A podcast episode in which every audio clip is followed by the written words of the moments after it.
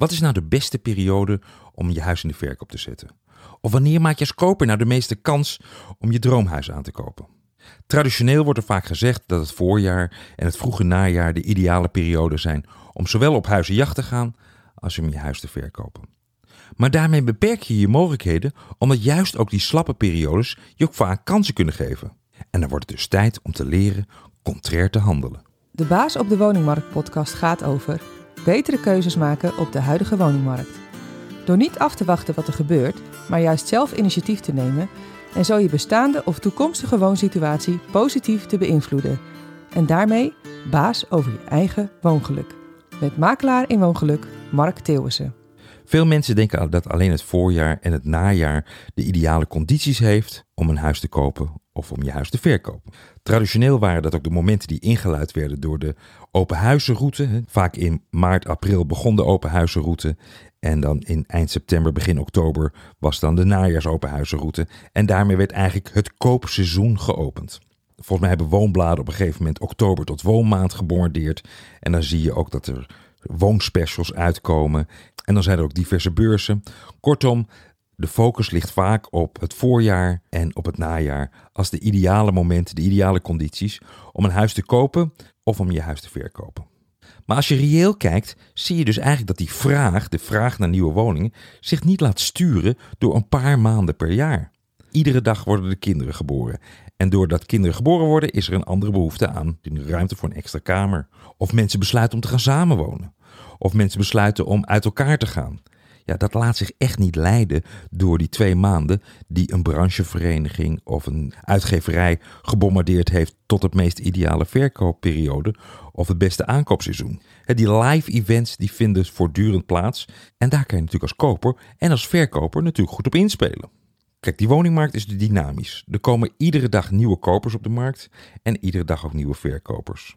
Dat komt deels door de live events die plaatsvinden, samenwonen, uit elkaar gaan, kinderen krijgen, kinderen het huis uit, baan verliezen, nieuwe baan aannemen. En dat laat zich niet zozeer sturen door wat traditioneel de ideale verkoopperiode zou moeten zijn. Dat gebeurt gewoon dagelijks.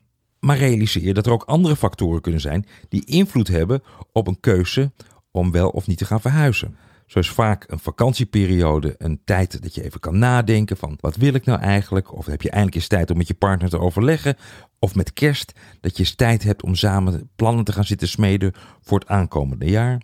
En zo zie je dus dat feestdagen en vakanties vaak ook een moment van bezinning zijn. Een moment van rust die vaak als startpunt dienen voor nieuwe plannen voor het nieuwe jaar.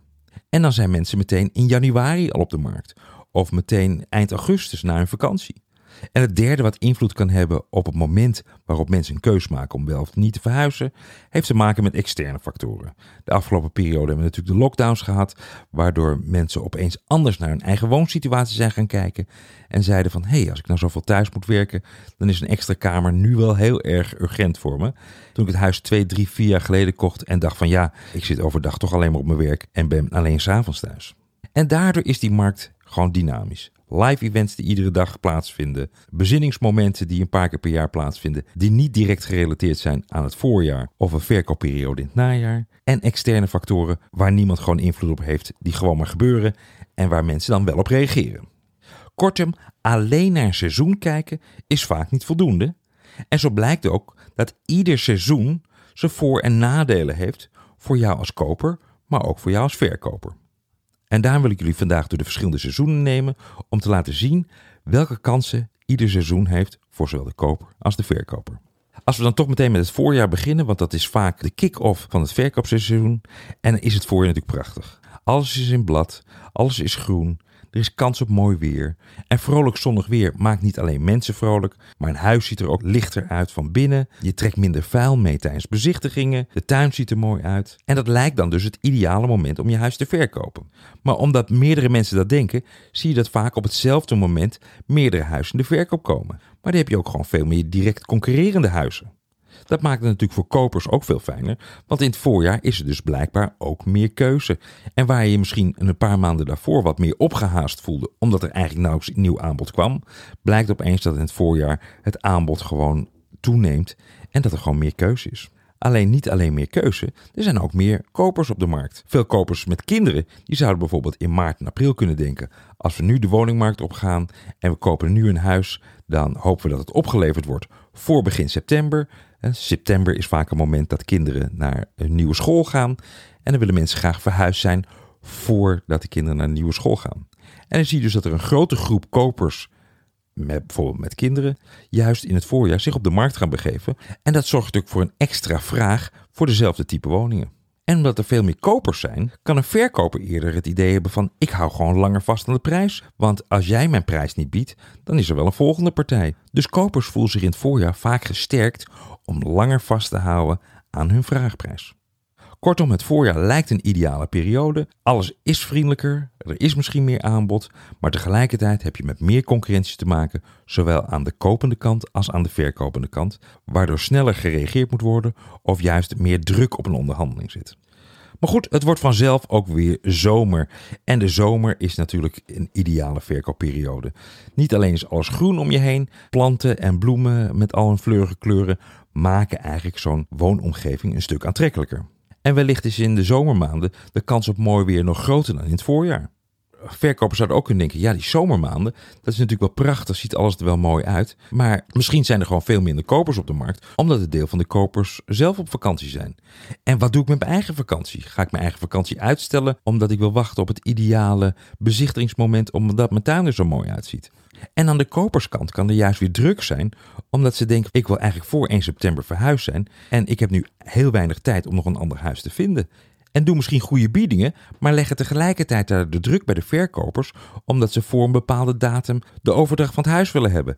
En misschien heb jij als verkoop van je huis zelf nog niks anders gevonden. En zit je helemaal niet te wachten op een koper die loopt te drukken om voor 1 september het transport van je huis gehad te hebben.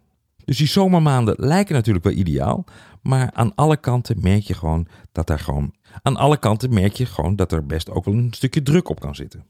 En wellicht zijn kopers in de zomermaanden gewoon veel minder alert, zijn ze s'avonds bezig met barbecue, terwijl ze op koude wintermaanden misschien urenlang op Funda gaan zitten kijken of alle woningsites gaan zitten uitpluizen. En dan veel alerter reageren. En tegelijkertijd merk je dus dat bijvoorbeeld net na de vakantieperiode, zo begin augustus, het vaak heel erg stil is op de woningmarkt. Er komt weinig aanbod aan. Veel verkopers denken van nou, ik wacht wel tot september. En als je dan een huis aanmeldt in die periode, zie je dat er voor kopers relatief weinig aanbod is. En die springen dan allemaal op de weinige te koop staande huizen die er zijn. Dus contrair handelen komt dan heel erg naar voren op het moment dat je juist in de late zomermaanden je huis in de verkoop zet. En voor het weet zijn we dan in het najaar beland. Het najaar is altijd wat drukker met aanbod, omdat de meeste verkopers wachten tot en met september om hun huis in de verkoop te zetten. De traditionele woonmaanden. Alleen dan spelen er weer andere dingen mee.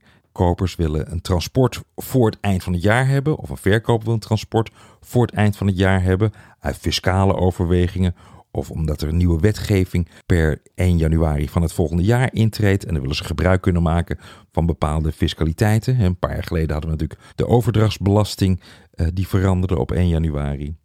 En dan krijg je dus een ander soort druk. Dan krijg je een soort tijdsdruk van mensen die juist wel of juist niet voor bijvoorbeeld het eind van het jaar een transactie afgerond willen hebben. En tegelijkertijd is het najaar begint natuurlijk een steeds minder leuk seizoen te worden. Bomen worden kaal, tegels worden glad, ligt overal veel blad. Dat betekent onderhoud. En als onderhoud niet goed gedaan wordt, misschien overlopende grootte, lekkagesporen. Dus het onderhoud van een huis in het najaar is voor een verkoper natuurlijk veel groter. En vanuit de koperskant krijg je natuurlijk een veel minder compleet beeld van hoe het is om ergens te wonen. Omdat het misschien vaker regenachtig is of grauw of somber weer is. En je niet kan zien hoe fijn de tuin bijvoorbeeld is. En zeker als je buitenruimte als verkoper juist een belangrijk argument is. Bijvoorbeeld ik heb een prachtig dakterras. Ja, wie is geïnteresseerd in een dakterras als het drie weken lang regent? Dan heb je behoorlijk wat voorstellingsvermogen nodig. En voor het weet zijn de feestdagen aanstaande en schuiven we langzaam het winterseizoen in. Nou, dan krijgen we natuurlijk eerst de feestdagen. Gaan mensen dan wel woningen bekijken? Of zijn ze dan drukker met familiefeestjes organiseren? Adviseurs, hypotheekadviseurs, banken, notarissen hebben het allemaal stervensdruk met het afhandelen van de lopende zaken van dat jaar. En schuiven een aantal van hun dossiers misschien op naar het nieuwe jaar. Omdat ze zeggen, ja, eh, tijdens de feestdagen werkt niemand. En daardoor is verkopen in de winterperiode misschien helemaal niet zo fijn, omdat je dan te maken hebt met kopers die niet altijd snel kunnen reageren. Maar daarentegen zijn er natuurlijk ook kopers, zoals ik aan het begin vertelde, die juist die feestdagen gebruiken om een beslissing te nemen. En dan heb je als verkoper niet te maken met veel kopers, maar wel met heel erg gemotiveerde kopers. En voor kopers zijn de wintermaanden heel erg fijn, omdat verkopers wellicht het gevoel hebben dat het allemaal niet zo snel meer loopt, dat er steeds minder kopers zijn en dat ze daardoor eerder geneigd zijn om met een lagere prijs genoegen te nemen. Voordat er in het voorjaar nieuw aanbod en voor hun ook concurrerende woningen op de markt komen. En natuurlijk zijn de wintermaanden natuurlijk prachtig om ook sfeer aan de binnenkant te verkopen. Waar misschien in de zomermaanden je meer op het buitengebeuren kan richten, zou je de wintermaanden en de koude maanden juist uitstekend kunnen gebruiken om de voordelen van de binnenkant van de huis te verkopen.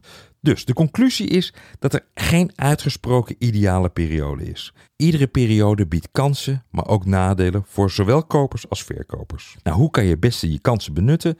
Nou, als verkoper kan je je kansen benutten om je huis goed te vermarkten. En vanuit de koperskant helpt het je om altijd vanuit een strategie te denken.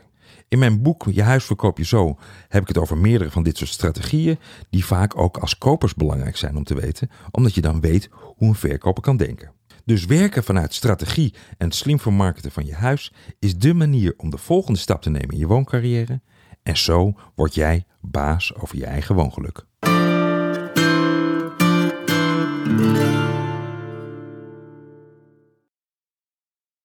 Nu de woningmarkt aan het kantelen is, is het tijd voor slimme verkopers om het heft weer in eigen hand te nemen.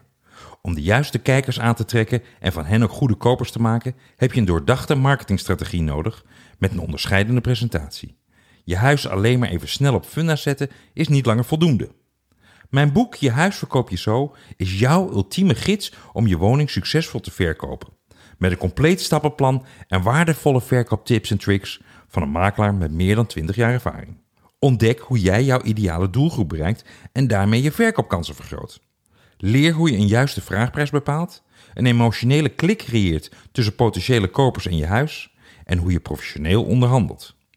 Als jij serieus aan de slag wil met de verkoop van je appartement of woonhuis, bestel dan nu je huisverkoop je zo via de link in de show notes en word baas over je eigen verkoopproces. Met succesvolle verkoop als het resultaat.